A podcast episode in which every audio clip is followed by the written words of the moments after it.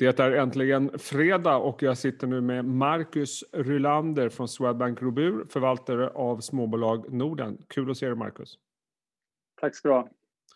Du har ju inte varit med här tidigare så jag tänkte vi kan väl börja med att du får beskriva lite grann fonden och eh, hur den eh, är strukturerad. Mm. Nej, men jag har ju varit på Robur i snart två år eh, och var tidigare på Handelsbanken och förvaltade Nordens Selektiv där under ja, nio år ungefär. Så att, eh, jag har jobbat på och inte pratat så mycket med, med folk. Eh, men eh, fonden känns bra nu eh, tycker jag. Så att, eh, vi kan väl ta en kort beskrivning. Alltså jag, jag har ju hållit på med nordiska småbolag och nordiska bolag under över tio år och eh, fick i uppgift då att ta hand om Robus småbolagsfond Norden för snart två år sedan och jag har gjort en hel del förändringar Eh, utifrån min process då. Eh, men grunden är ju, är ju snarlik i, i fonden. Men man kan ju börja med att det finns ju ungefär tusen noterade småbolag i Norden. Så att eh, det finns ju ett gott universum att välja på. Och de flesta bolag är ju faktiskt småbolag. Och jag, jag försöker då hitta den här nordiska vinkeln. Det är ju många som jobbar med svenska småbolag. Men relativt få fortfarande som har ett nordiskt universum faktiskt. Och jag, jag, har en bra balans eh, nu tycker jag mellan svenska bolag och icke-svenska bolag, även om svenska småbolag är, ja, det är drygt hälften av universum, så det är klart att det, det finns mycket svenskt. Är det också hälften det, i portföljen ungefär då eller? Ja, det är väl ungefär, jag har inte siffran framför mig, men jag skulle säga att det är 60 procent Sverige okay. säkert mm. fortfarande. Men det var mer eh, för två år sedan. Och eh, jag har ju en klar tilt mot tillväxt och kvalitet och det, det, liksom, det styrs egentligen av mm. min process. Men, men det är en, en, ändå en bra balans i portföljen och det finns liksom alltid tillväxtbolag till rimliga värderingar och det finns alltid även valuebolag som har rimlig tillväxt och bra kvalitet. Så, att, mm. så att, eh, det är klart det finns en tilt men, men det, det, är en hyfsad balans. Så det finns branscher som inte passar in därför att jag söker viss typ av, av, av investeringar. Så det är ju absolut inte en indexfond. Jag tror att jag har 75 procent avvikelse mot index. Okay. Eh, och då är det ändå drygt 70 innehav nu. Och jag siktar väl på 50 till 70 innehav över tid. Mm. Så det är lite fler bolag nu och det har väl att göra med dels corona, vilket gör att, att man, man ska vara lite försiktigare och ha bra balans, men också att det har varit ganska många faktiskt intressanta IPOs. Även om jag försöker vara lite disciplinerad så dyker det upp väldigt många bra nya bolag till börsen. Så att drygt 70 nu, kanske siktar mot 50 till 70 innehav över tid. Och det tycker jag man kan hantera om man har gjort rätt initialanalys eh, och kan innehaven som tidigare. Då kan man ha så pass många. Och sen också men, det, men det blir ändå tillräckligt spetsigt. Eh, som jag sa, 75 avvikelse mot index, det, det är en spetsig fond. Det ska man inte säga annat. Om man då tittar på den här äh, analysen och de här äh, kriterierna som du tittar på när du väljer ut bolag. Vi, kan väl gå igenom dem lite snabbt. Äh, den, mm. liksom, vilka variabler som, som du vill ha med, som du vill kunna checka av. Ja, nej, men egentligen så tittar jag på bolag lite grann på samma sätt oavsett vad de definieras i för bransch. Mm. Och, och, jag har ju en bakgrund som, som förvaltare på, på Handelsbanken och förvaltat Nordens Selektiv. Och, och jag har alltid liksom letat efter både kvalitet och tillväxt. Så det, det, det, är liksom, det är två parametrar som, som är viktiga. Men, men som sagt, det finns, finns ju bra bolag som, som, som är lågt värderade också. Eh, så jag letar egentligen efter framförallt eh, bolag med en god lönsamhet. Avkastning på kapitalet i bolagen är viktiga för min avkastning. Eh, jag vill ha unika bolag. Eh, jag vill att det ska vara en skalbar lönsamhet så att man kan växa lönsamt helt enkelt. Och det är väl det viktigaste. Och, och sen, sen då leder det in i vissa typer av sektorer vilket gör att fonden mm. inte har så mycket råvaror och banker och faktiskt inte så mycket fastigheter heller. Eh, utan det, det blir rätt mycket konsument, teknik, eh, verkstad. Jag vill ju ha kvalitetsbolag så jag tittar mycket på historiken och, och liksom vad bolag har levererat historiskt och utifrån det och sen nuläget så tittar jag in i framtiden och försöker göra en bedömning på tre till fem år ungefär. Det känns som det är en sån tidsperiod som är meningsfull att överblicka och ändå att man reducerar bort allt det kortsiktiga liksom, bruset. Och sen utifrån det kortsiktiga sentimentet så uppstår ju möjligheter. Så att, kan, du göra av, kan du göra avsteg från den här processen? Jag menar, kan du tänka dig att gå in i ett bolag som ännu inte tjänar pengar till exempel? Om förutsättningarna ser ut att vara så pass goda på mm. tillväxten och, och framtida möjligheter? Alltså, nästan alla bolag har ju god lönsamhet idag, men mm. det finns ju undantag och, och då är ju det framförallt när jag ser att det finns den potentialen och det är ett väldigt trovärdigt liksom, argument för varför man inte tjänar pengar idag. Och uh, det mest, mest uh, tongivande bolaget på det temat då, som har en stor vikt i portföljen är ju kanske Storytel där. Mm. Där det är klart att de tjänar inte pengar idag och de har gjort två nyemissioner de senaste två åren på, på miljardbelopp. Men, men de har ju potential att tjäna pengar och de kan ju tjäna pengar i Norden idag om de vill. Men, men, men, då prioriterar de tillväxt eh, och det tror jag är viktigt för att bygga, bygga modellen. Så, att, så att då får man acceptera det, men det är undantagscasen skulle jag säga. Men, men i Storytel kan man ju också liksom kanske se hur modellen, den är ganska tydlig och man ser ju på något mm. sätt när lönsamheten kan kicka igång beroende på hur, hur länge de varit på en viss marknad. Så det är det du menar, att det finns en, Precis. En, det går att analysera den processen ja, på ett annat sätt. Så det får inte, visst, det är viktigt att man tjänar pengar historiskt, men det får mm. inte bli liksom en, en naiv screeninganalys, utan, utan om, jag, om jag ser att de kan tjäna pengar, då är jag beredd att acceptera att man kanske okay. prioriterar något annat idag. Mm. Däremot så är jag inte inne i, i typiskt sett i biotech och, och, och sådana här ganska binära. slumpmässiga och binära situationer ja. där, där, där man heller inte liksom, där inte jag har förmåga heller att bedöma. Jag är ändå generalist så att jag, mm. jag är lite försiktig med allt för tekniskt svåra eh, liksom, situationer. Vi kan väl titta lite grann också på eh, teman. Eh, för jag, jag vet att det är viktigt för er. Jag vet att det också var viktigt på Handelsbanken då, från att hitta de här strukturella teman att jobba med. Och du har liksom, jag tror det är sju stycken som, som du har listat. Eh, mm. Som vi kan titta lite grann på. Och den första är då teknikbolag, du har varit inne på lite grann, mjukvaruteknikbolag. Eh, mm. Du kan väl gå igenom de här teman och exempel på bolag. Jo, men jag tycker det är ett bra sätt att strukturera jobbet. För jag letar efter bra bolag, eh, gärna bra teman och så till rätt värdering. Och hur strukturerar man det? Och då har jag valt att som många andra då, som mm. kanske enbart jobbar tematiskt vissa, men jag har strukturerat in det i faktiskt sex olika teman. Mm. Och eh, sen ett, en, en, en, en residual som är ungefär 20 procent av portföljen som är mer ren stockpicking. För att inte liksom bortse från bara bra investeringar som inte passar in på tema. Mm. Så de här teman är ju framför allt inom, eh, ja men teman är ju tillväxtmarknader helt enkelt och det kan vara, det är rätt mycket inom teknik, eh, men det är rätt mycket inom hållbarhet också.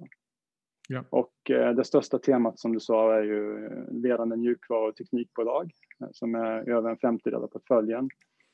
Och där har jag hittat ganska mycket case. Mm. Så att, så att säga, andelen av portföljen har gått upp lite grann men framförallt har jag, har jag expanderat antalet bolag på det temat. Det är också ganska det är lite hög risk där i de bolagen så det kan vara bra att ha ganska många när det, när, när det finns många bra bolag så kan man unna sig att ha några bolag till. Okay. Och om man tar liksom ett exempel som Sinch som eh, ni har med där. Det är en aktie som har gått, den har haft en extremt stark historisk mm. utveckling. Dippade lite grann här för ett tag sedan för att nu komma tillbaka. Men hur, hur resonerar du kring en sån aktie där tillväxten mm. är fantastisk? Eh, mm. Kursen är kanske än mer fantastisk.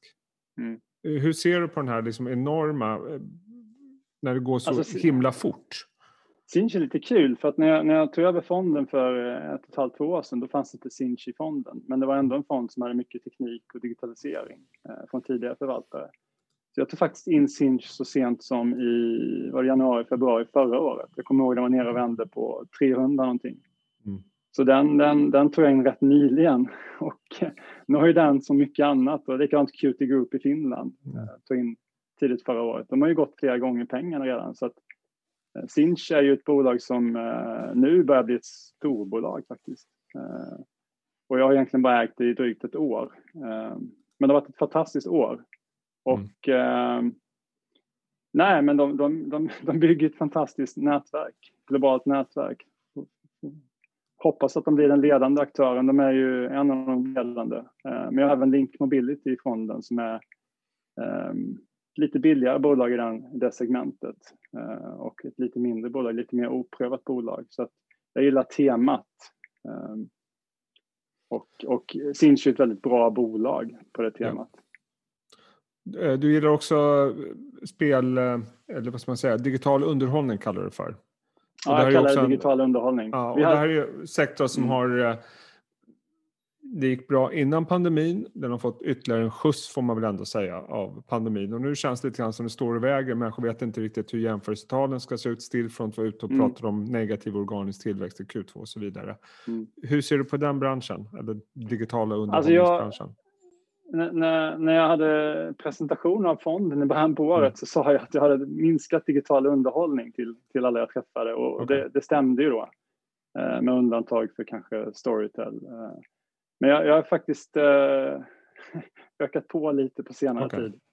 Jag börjar tycka att det känns lite, lite väl ifrågasatt. För jag, jag, träffar ju många bolag och, och, och hör vad de säger mm. och, och känner att vissa påverkas inte så mycket av, av det här IDF-varumärkets nya regler kanske som, som, som en, en del tror. Och, men sen har jag ju valt att gå min egen väg också lite grann. Även om eh, fonden har Embracer och, och Eh, så att säga, som, som är väldigt populära aktier som många har. Det börjar bli ett storbolag för mig. nu, Men så har jag ju valt en del andra case. Jag har ju, jag är en av de större ägarna i G5 Entertainment.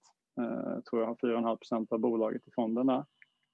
Och det var ju en aktie som var ganska oanalyserad mm. eller nästan hatad för ett år sedan eller två år sedan. Eh, Eh, så jag har ju valt lite andra aktier än många andra på det temat och G5 tyckte jag var ett otroligt billigt och missförstått bolag för ett, ett och ett halvt år sedan. Och, Vlad, vdn, huvudägaren och grundaren som varit med i över ett decennium, han har ju levererat bra över tid. Så den, eh, den väger för mig lika mycket som Embracer i fonden. Men jag tycker fortfarande Embracer är ett, ett fantastiskt bolag som, som eh, antagligen är alldeles för lågt värderat just nu. Så jag, jag har flera ben att stå på inom temat eh, spelbolag. Jag har lite mer förkärlek för organiska bolag än, än, än, eh, förvärvsbolag på det temat. Så jag har ju Paradox och G5, ja. men jag har även Embracer och så lite Rovio. Vad säger du om eh, Paradox? Den har inte riktigt hängt med eh, övriga om Nej. man tittar på en kursgraf. Nej, och det, det är ju lätt att förstå därför att mm. eh, för ett och ett halvt, två år sedan så var aktien extremt dyr. Och det var många som hade extremt höga förväntningar på vad de skulle lansera för produkter, spel. Och då har ju helt enkelt förväntningarna varit för höga och värderingen för hög. Så då har inte aktien funkat. Men jag tycker nog att den är lite grann, vad ska man kalla det, rebasad. Det, det är ju det är en helt annan värdering idag än vad det var då Eh, det är en mer konservativ förväntansbild på, på, på bolaget nu. Men det handlar också Samtidigt som de har en extrem, ja. om man tittar i balansräkningen och, och, vad de har investerat, de har investerat extremt mycket i spelutveckling så att förhoppningsvis kommer det ut på Men, men det här med höga förväntningar handlar inte lite grann också om att det känns som att det har tagit en tid för marknaden kanske att förstå vissa av de här affärsmodellerna. Att du, du de går mm. igenom en investeringsprocess där de håller på att investera och så kommer en lansering och den skjuts upp ibland men den kommer komma mm. någon gång. Att det går lite grann i cykler på något sätt och så Precis. drar man en linjär linje på hur man tror att det ska gå. Mm. Nej, men, och det, det, är ju det som är, är det, det spännande spelbolaget, att det är ju trots allt en, en det är ju en, måste en kreativ process, en mm. forsknings och utvecklingsprocess och, och sådana tenderar ju att inte vara linjära. Och ja. eh, Medan vi i aktiemarknaden har lite dåligt tålamod ibland och, och handlar upp för tidigt och, och sen så istället så ger vi upp i vissa lägen. Som i G5 då för ett år mm. sedan. Den har ju gått fyra gånger pengar eller något på ett drygt år för att folk gav upp. Uh, och uh, det ser man ju Stillfront också nu som jag inte har ägt historiskt att den, den, den, den gav ju upp någonstans i höstas också. Så det, det går ju i till de här bolagen. Man får ju vara ödmjuk och jag, jag vill hellre ha fler bolag på det temat än, än ett eller två. Mm. Just för att kunna hantera de här svängningarna. Sen, sen vill jag ju bara ha bra bolag såklart. Ja. Men det finns mer än ett bra bolag. Uh, en, uh, en sista punkt jag tänkte gå igenom på de här eh, temana, det är hälsovård, eller i det här fallet så är det effektiv vård och äldrebefolkning tror jag du kallar det för. Men, mm. om, om det är någonting som är väldigt tydligt tycker jag när jag pratar med förvaltare de senaste en, två månaderna, det är att alla vill prata hälsovård just nu. Många tror, inklusive jag själv, tror att det kan bli en sektor som kommer få det betydligt bättre efter pandemin och så vidare. Du har relativt lite hälsovård i din portfölj, noterar jag. Varför mm. det? Eh, ja, delvis så får du väl fråga tidigare förvaltare då, för jag tror jag hade en fond som hade ett bolag i sektorn tror jag, eh, okay. eller två. Eh, och jag har egentligen letat exponering mot den sektorn ett halvt års tid. Eh, och jag har hittat en del bra bolag, men det som alltid är svåra är om man har ett bra tema, sen gäller det att hitta ett bra bolag och en aktie som är mm. rätt värderad. Uh, så jag har adderat några stycken, men, men, men det, ju, det gäller ju att hitta rätt case också. Men historiskt så har vi haft en hel del besvikelse i sektorn. Och man, man, det är många som äger en del välanalyserade, lite midcaps i sektorn, men som ändå inte levererar på förväntan. Och då, då, då ska man inte välja, man ska inte välja en aktie bara för att det är rätt exponering, om det inte är mm. rätt, rätt eh, vinstutveckling och rätt bolag. Men jag har, jag har, jag har en del favoriter. Och, eh, alltså, kanske av, norska en sån, mm. där jag äger 4,5 procent eh, drygt av, av bolaget. Det är ett fantastiskt fint bolag med nästan en linjär eh, historik av lönsam tillväxt på över tio år. Eh, och, och, som är rimligt värderad i förhållande till vissa svenska liknande bolag. Då, då väljer jag det. Men, men, men, men många av, av mina aktier i den sektorn är knappt analyserade. det är inte som Elekta som har 18 analyser, men ja, alla har haft fel. ja, every dog has its day. ja, är intressant, för, för jag märker väldigt tydligt att det är liksom en väldigt stark eh, trend bland förvaltarna, att man, man drar liksom hela sektorn över en kam och säger att det här kommer gå jättebra efter mm. pandemin. Men vi kommer komma in lite grann på hälsovården då, för att du nämnde i början där med eh, IPO och börsnoteringar, för det är också ett, ett väldigt starkt tema under våren. Eh, alla förvaltare pratar om hur mycket tid de får ägna åt prospekt och så vidare, för det kommer ut nya bolag hela tiden. Hur förhåller du dig till det och hur aktiv är du i den eh, delen av marknaden? Mm. Alltså jag har en bakgrund från corporate finance i över tio år, eh, ECM och corporate finance. Och, jag är lite jag är ju rätt medveten om att det var en cyklisk bransch eftersom jag jobbade i den. Eh, före Lehman Brothers och ett tag efter Lehman Brothers. Och då gick vi från supermånga noteringar till inga noteringar på ett mm. kvartal. Så det här är en cyklisk bransch och det, det, det, tenderar att vara så att de bästa kommer ut tidigt i IPO-fönstret och sen så kommer det ut sämre kvalitet senare. Så egentligen är vi ju en senare del av IPO-fönstret det är en grundsyn. Sen, sen kommer det ju ut fantastiskt många bra bolag nu ändå. Mm. Och då får man ju så att säga disciplinerat titta på dem. Så jag har faktiskt eh, jag har, jag har ju tecknat en del IPOs, typiskt som ankarinvesterare då. Och eh, jag räknade här, det var fem stycken jag har deltagit i senaste året och jag har faktiskt en eller två på gång. Mm. Eh, men det är ju utifrån att det har varit långt över 50 noteringar, så det kanske är var tionde jag har tecknat ungefär. Okay. Och något exempel, jag vet att vi nämnde hälsovård, eh, Link till exempel som har, vad den kom in på, 67 spänn någonting eh, och ja. gick bara rätt upp som mycket annat. Nu har den väl lugnat ja. ner sig lite grann kanske. Men, men varför var ja. du med i den? Nej men alltså vad som händer i en aktie direkt efter en IPO, det, det, är, ju, det är ju viktigt att den går upp inledningsvis mm. så att alla är vinnare som man brukar säga och ingen är förlorare på IPO. Men sen hur mycket den går upp, det, det, ibland kan det gå väldigt snabbt eh, och ibland går det lite mer gradvis. Eh, Link har ju blivit en fullständigt fantastisk eh, början på resan. Men, men det är inte därför jag investerar i den som, som Anka investerar, utan jag investerar i den därför att det här är en svår sektor. Ja. Och eh, när jag, träffat, jag har träffat Link eh, flera gånger innan introduktionen eh, och det, det, som, det som jag gillar är ju att, att i den här svåra sektorn av, av bioteknik och tidig medicinteknik som jag har svårt att, att um, analysera som generalist så, så hittar jag en, en, en, en, en huvudägare, en grundare, Bengt Gylander som har ja, kanske det bästa track recordet som går att hitta i, ja. i Sverige Norden i sektorn. Och då, då, då föredrar jag att ta rygg på, på, på ledningen och honom egentligen i, i, i den sektorn och ha och vara med på deras resa. Och så kommer man in i onoterade bolag också, vilket ju är svårt att göra som, som eh, förvaltare. Mm.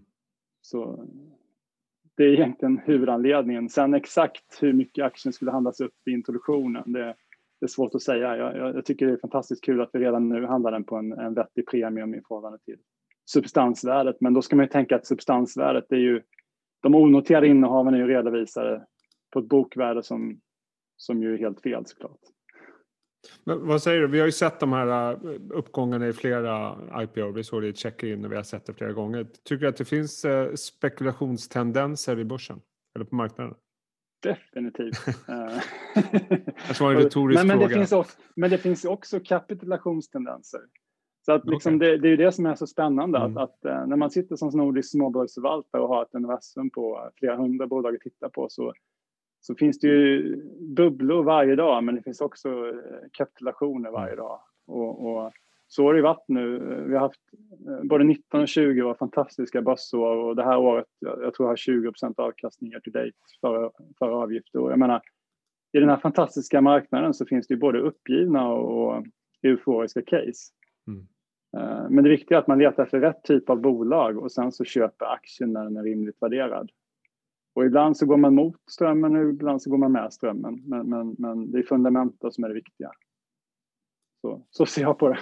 Ja, det låter väldigt klokt. Eh, Marcus Rulander, väldigt kul att prata med dig. Jag hoppas vi kan mm. talas vid flera gånger. Eh, ha en riktigt bra helg. Tack.